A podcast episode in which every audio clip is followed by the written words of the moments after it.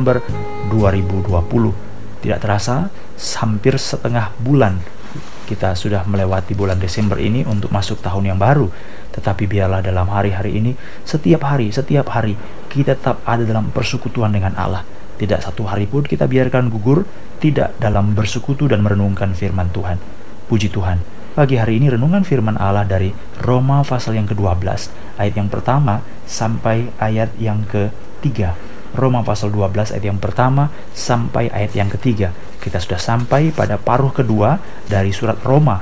Jadi surat pertama atau Roma pasal 1 sampai pasal 11 itu adalah bagian-bagian yang menceritakan tentang doktrin-doktrin yang penting tentang keselamatan, tentang pekerjaan Kristus, tetapi masuk dalam Roma pasal 12 masuk dalam Roma pasal 12 adalah berbicara tentang bagaimana kita menerapkan keselamatan Kristus dalam kehidupan kita ini.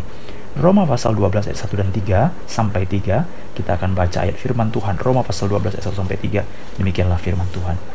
Karena Nah, itu, saudara-saudara, demi kemurahan Allah aku menasihatkan kamu supaya kamu mempersembahkan tubuhmu sebagai persembahan yang hidup, yang kudus dan yang berkenan kepada Allah. Itu adalah ibadahmu yang sejati. Janganlah kamu menjadi serupa dengan dunia ini, tetapi berubahlah oleh pembaruan budimu, sehingga kamu dapat membedakan manakah kehendak Allah, apa yang baik, yang berkenan kepada Allah, dan yang sempurna. Berdasarkan kasih karunia yang dianugerahkan kepadaku, aku. Berkata kepada setiap orang di antara kamu, Janganlah kamu memikirkan hal-hal yang lebih tinggi daripada yang patut kamu pikirkan, tetapi hendaklah kamu berpikir begitu rupa, sehingga kamu menguasai diri menurut ukuran iman yang dikaruniakan Allah kepadamu masing-masing.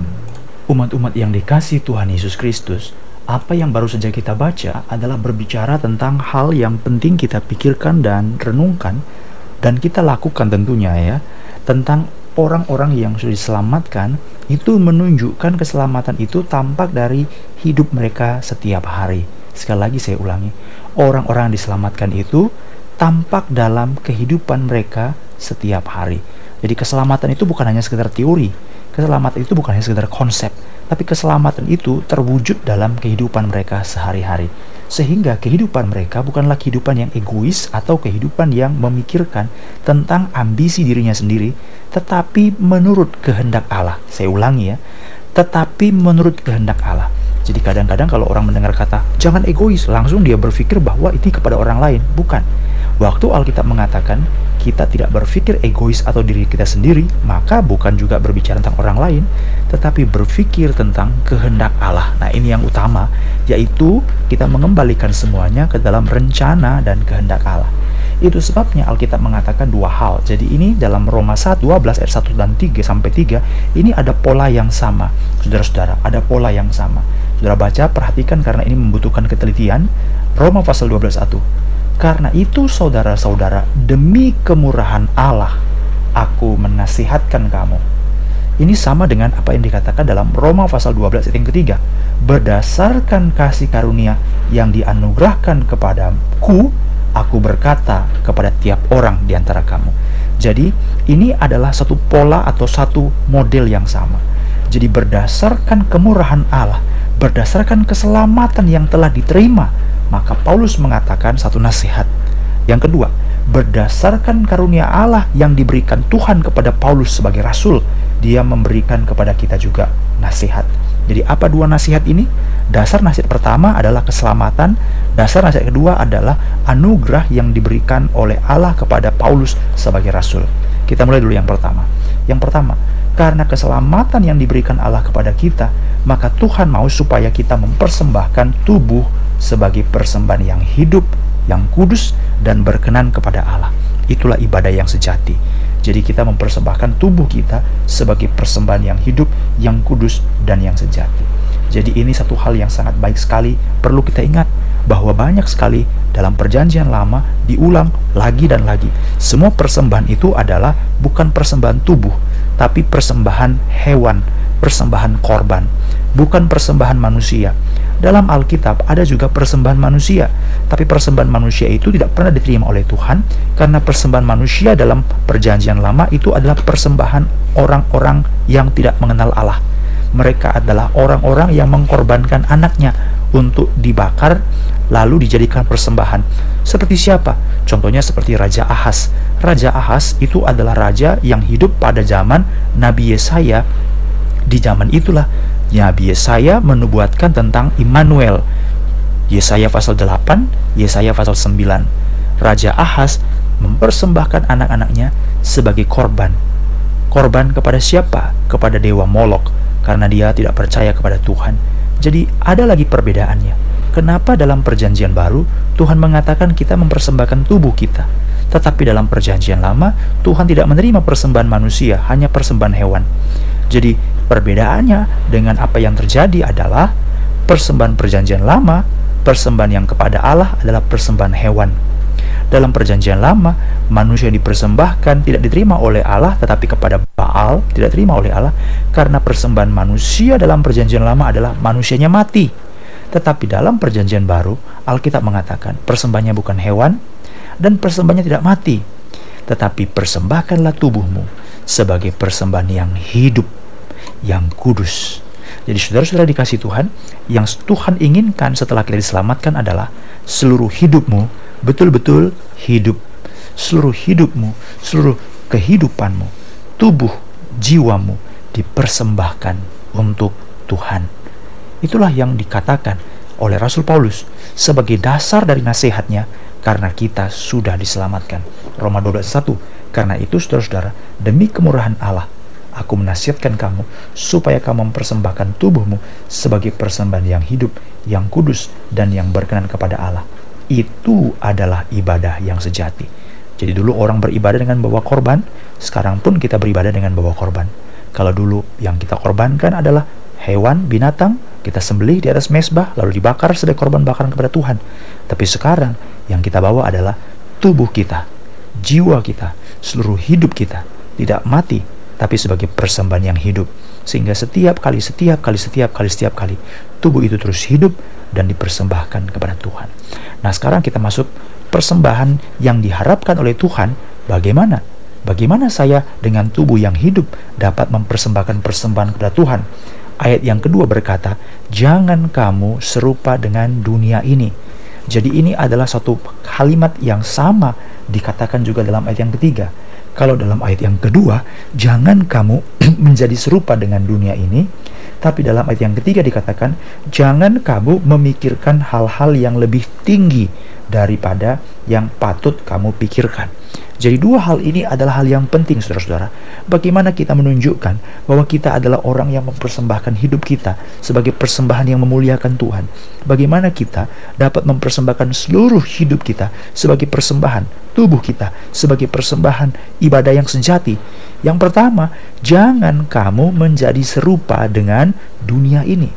Yang kedua, jangan kamu memikirkan hal-hal yang lebih tinggi daripada yang patut kamu pikirkan.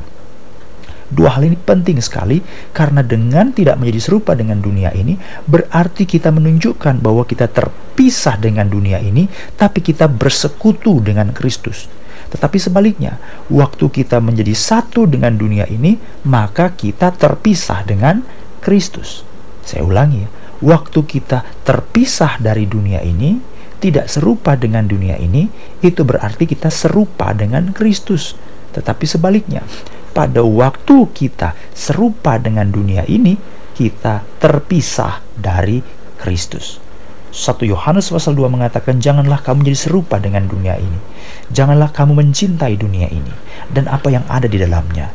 Karena kalau kamu mencintai, mengasihi dunia ini, kamu tidak akan pernah memiliki kasih kepada Bapa. Ingat, kasih kepada Bapa tidak bisa kita kawinkan, tidak bisa kita satukan dengan kasih kepada dunia.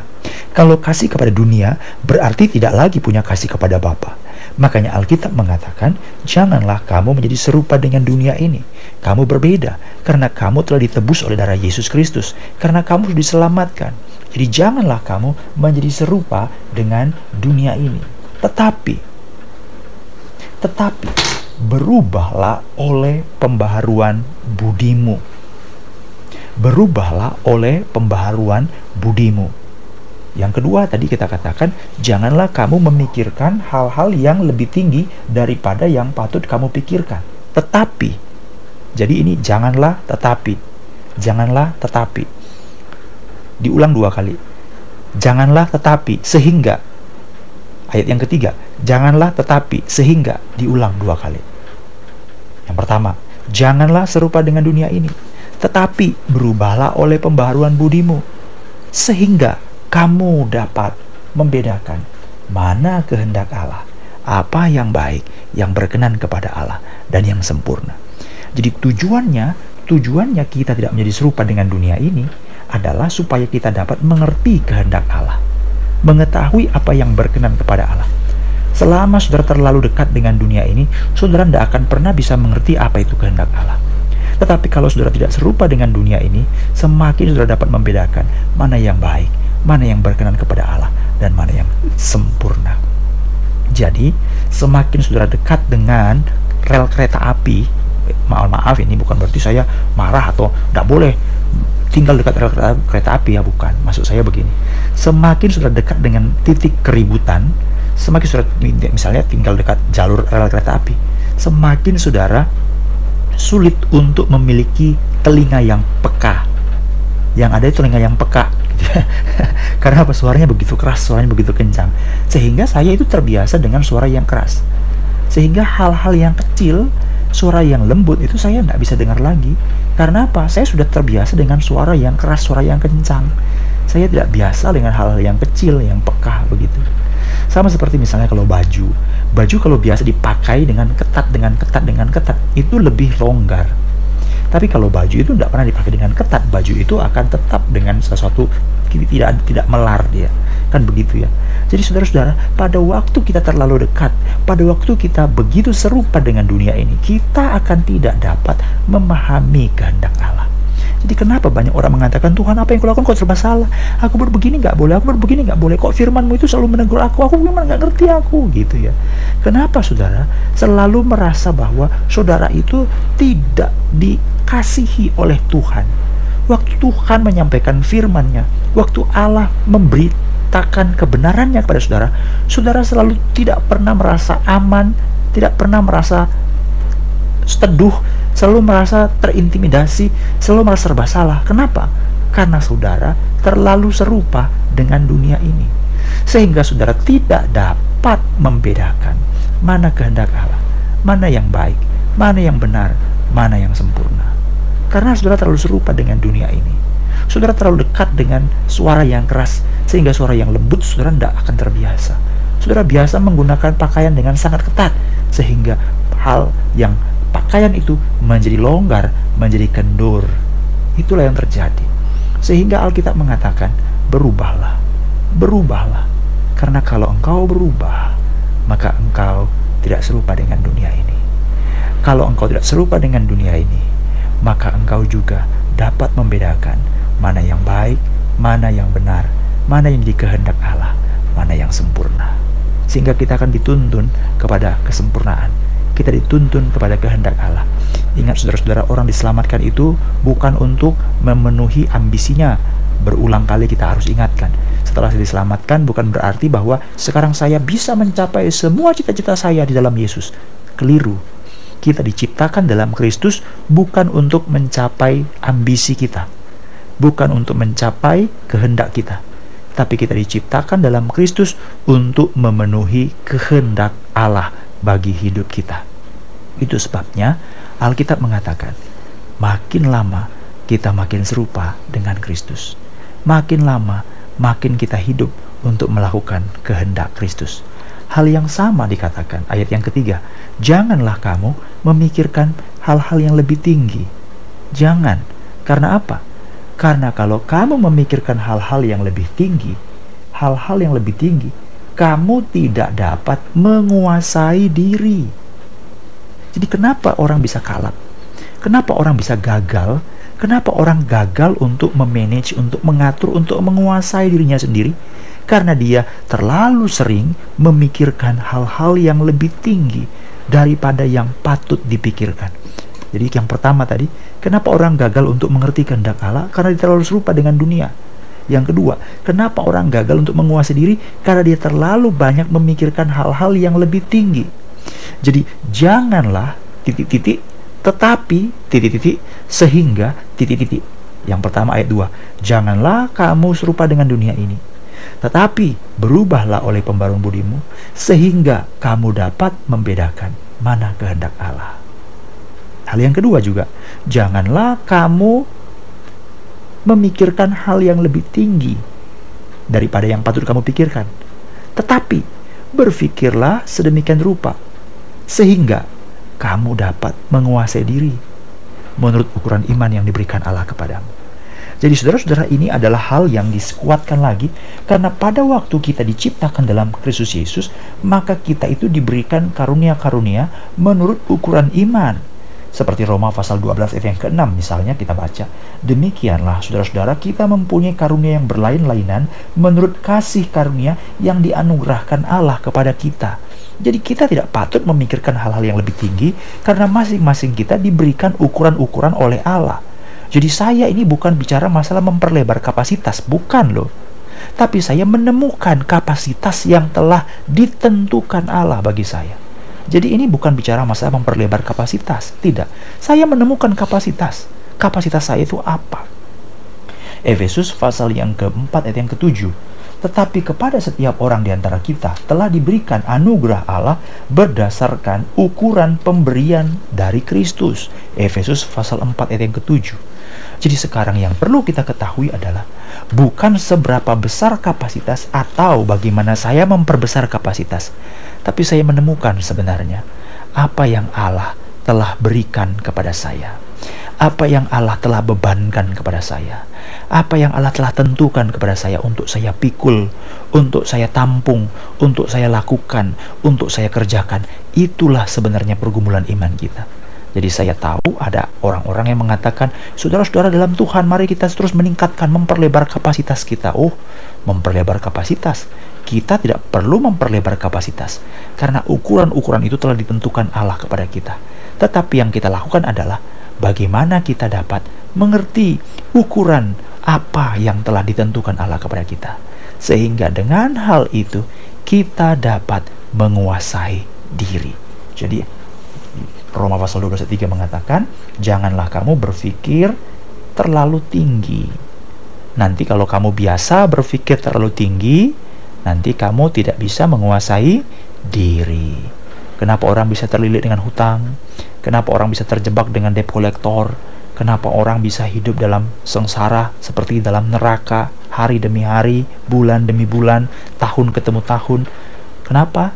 Karena dia terlalu memikirkan hal-hal yang lebih tinggi sehingga dia tidak dapat menguasai diri. Ah nanti ada uang dari sini, nanti dari sini, dari sini. Waduh, dia pikir akan begini. Akibatnya apa yang terjadi? Dia hidup seperti orang yang dikejar-kejar bayangan maut. Waduh, hidup menderita loh seperti ini. Tetapi marilah seberapa yang Allah berikan kepadamu, engkau terima dengan ucapan syukur dan berdoalah Tuhan ajar aku mengelola ini semuanya dengan penuh tanggung jawab supaya aku hanya mempersembahkannya untuk Tuhan bukan demi kepentinganku sendiri. Kalau saudara terlalu banyak kegiatan, terlalu banyak pengeluaran, terlalu banyak spending money yang mbok ya dikurangi. Ya kan? Kalau lebih besar pengeluaran daripada pemasukan, berarti pengeluarannya harus mulai dibatasi. Kalau misalnya saya akan mengejar pemasukan terus, mengejar pemasukan terus, nanti takut-takut jadi korupsi. Karena orang yang seperti itu tidak bisa lagi menguasai diri, menghalalkan segala cara. Biarlah Tuhan menolong kita supaya kita jangan berdosa kepada Tuhan sehingga firman Tuhan itu terlebih dahulu taruh dalam hati kita. Mari kita berdoa.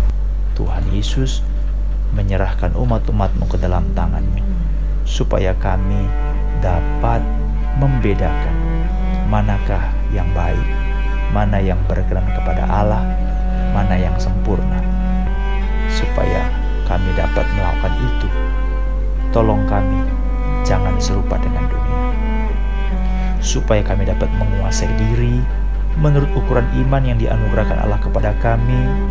Tolong kami supaya kami jangan memikirkan hal-hal yang lebih tinggi.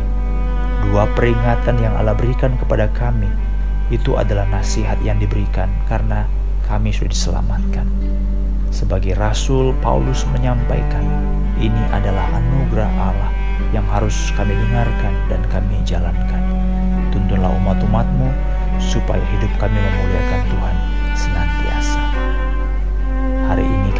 menyerahkan mereka masing-masing pribadi-pribadi. Biarlah Tuhan menyertai langkah mereka. Sembuhkan yang sakit, kuatkan yang lemah, teguhkan yang bimbang, beri pengharapan bagi yang putus asa, dan selalu ada jawaban bagi mereka yang berharap pada Tuhan. Tuntun kami lakoni firman Allah, supaya kami siap untuk memikul apa yang harus kami pikul oleh kemurahan. Dalam nama Yesus Kristus kami berdoa.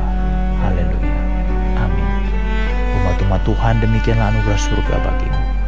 Turunlah anugerah dari Allah Bapa, cinta kasihnya Tuhan Yesus Kristus, persekutuan Allah Roh Kudus, menyertai, menuntun, memimpin hidupmu dari sekarang sampai Yesus datang kembali. Terimalah anugerah surga, berjalan dalam firman-Nya dan penuh pengharapan dalam nama Tuhan Yesus Kristus. Haleluya. Amin. Selamat pagi bagi saudara semuanya.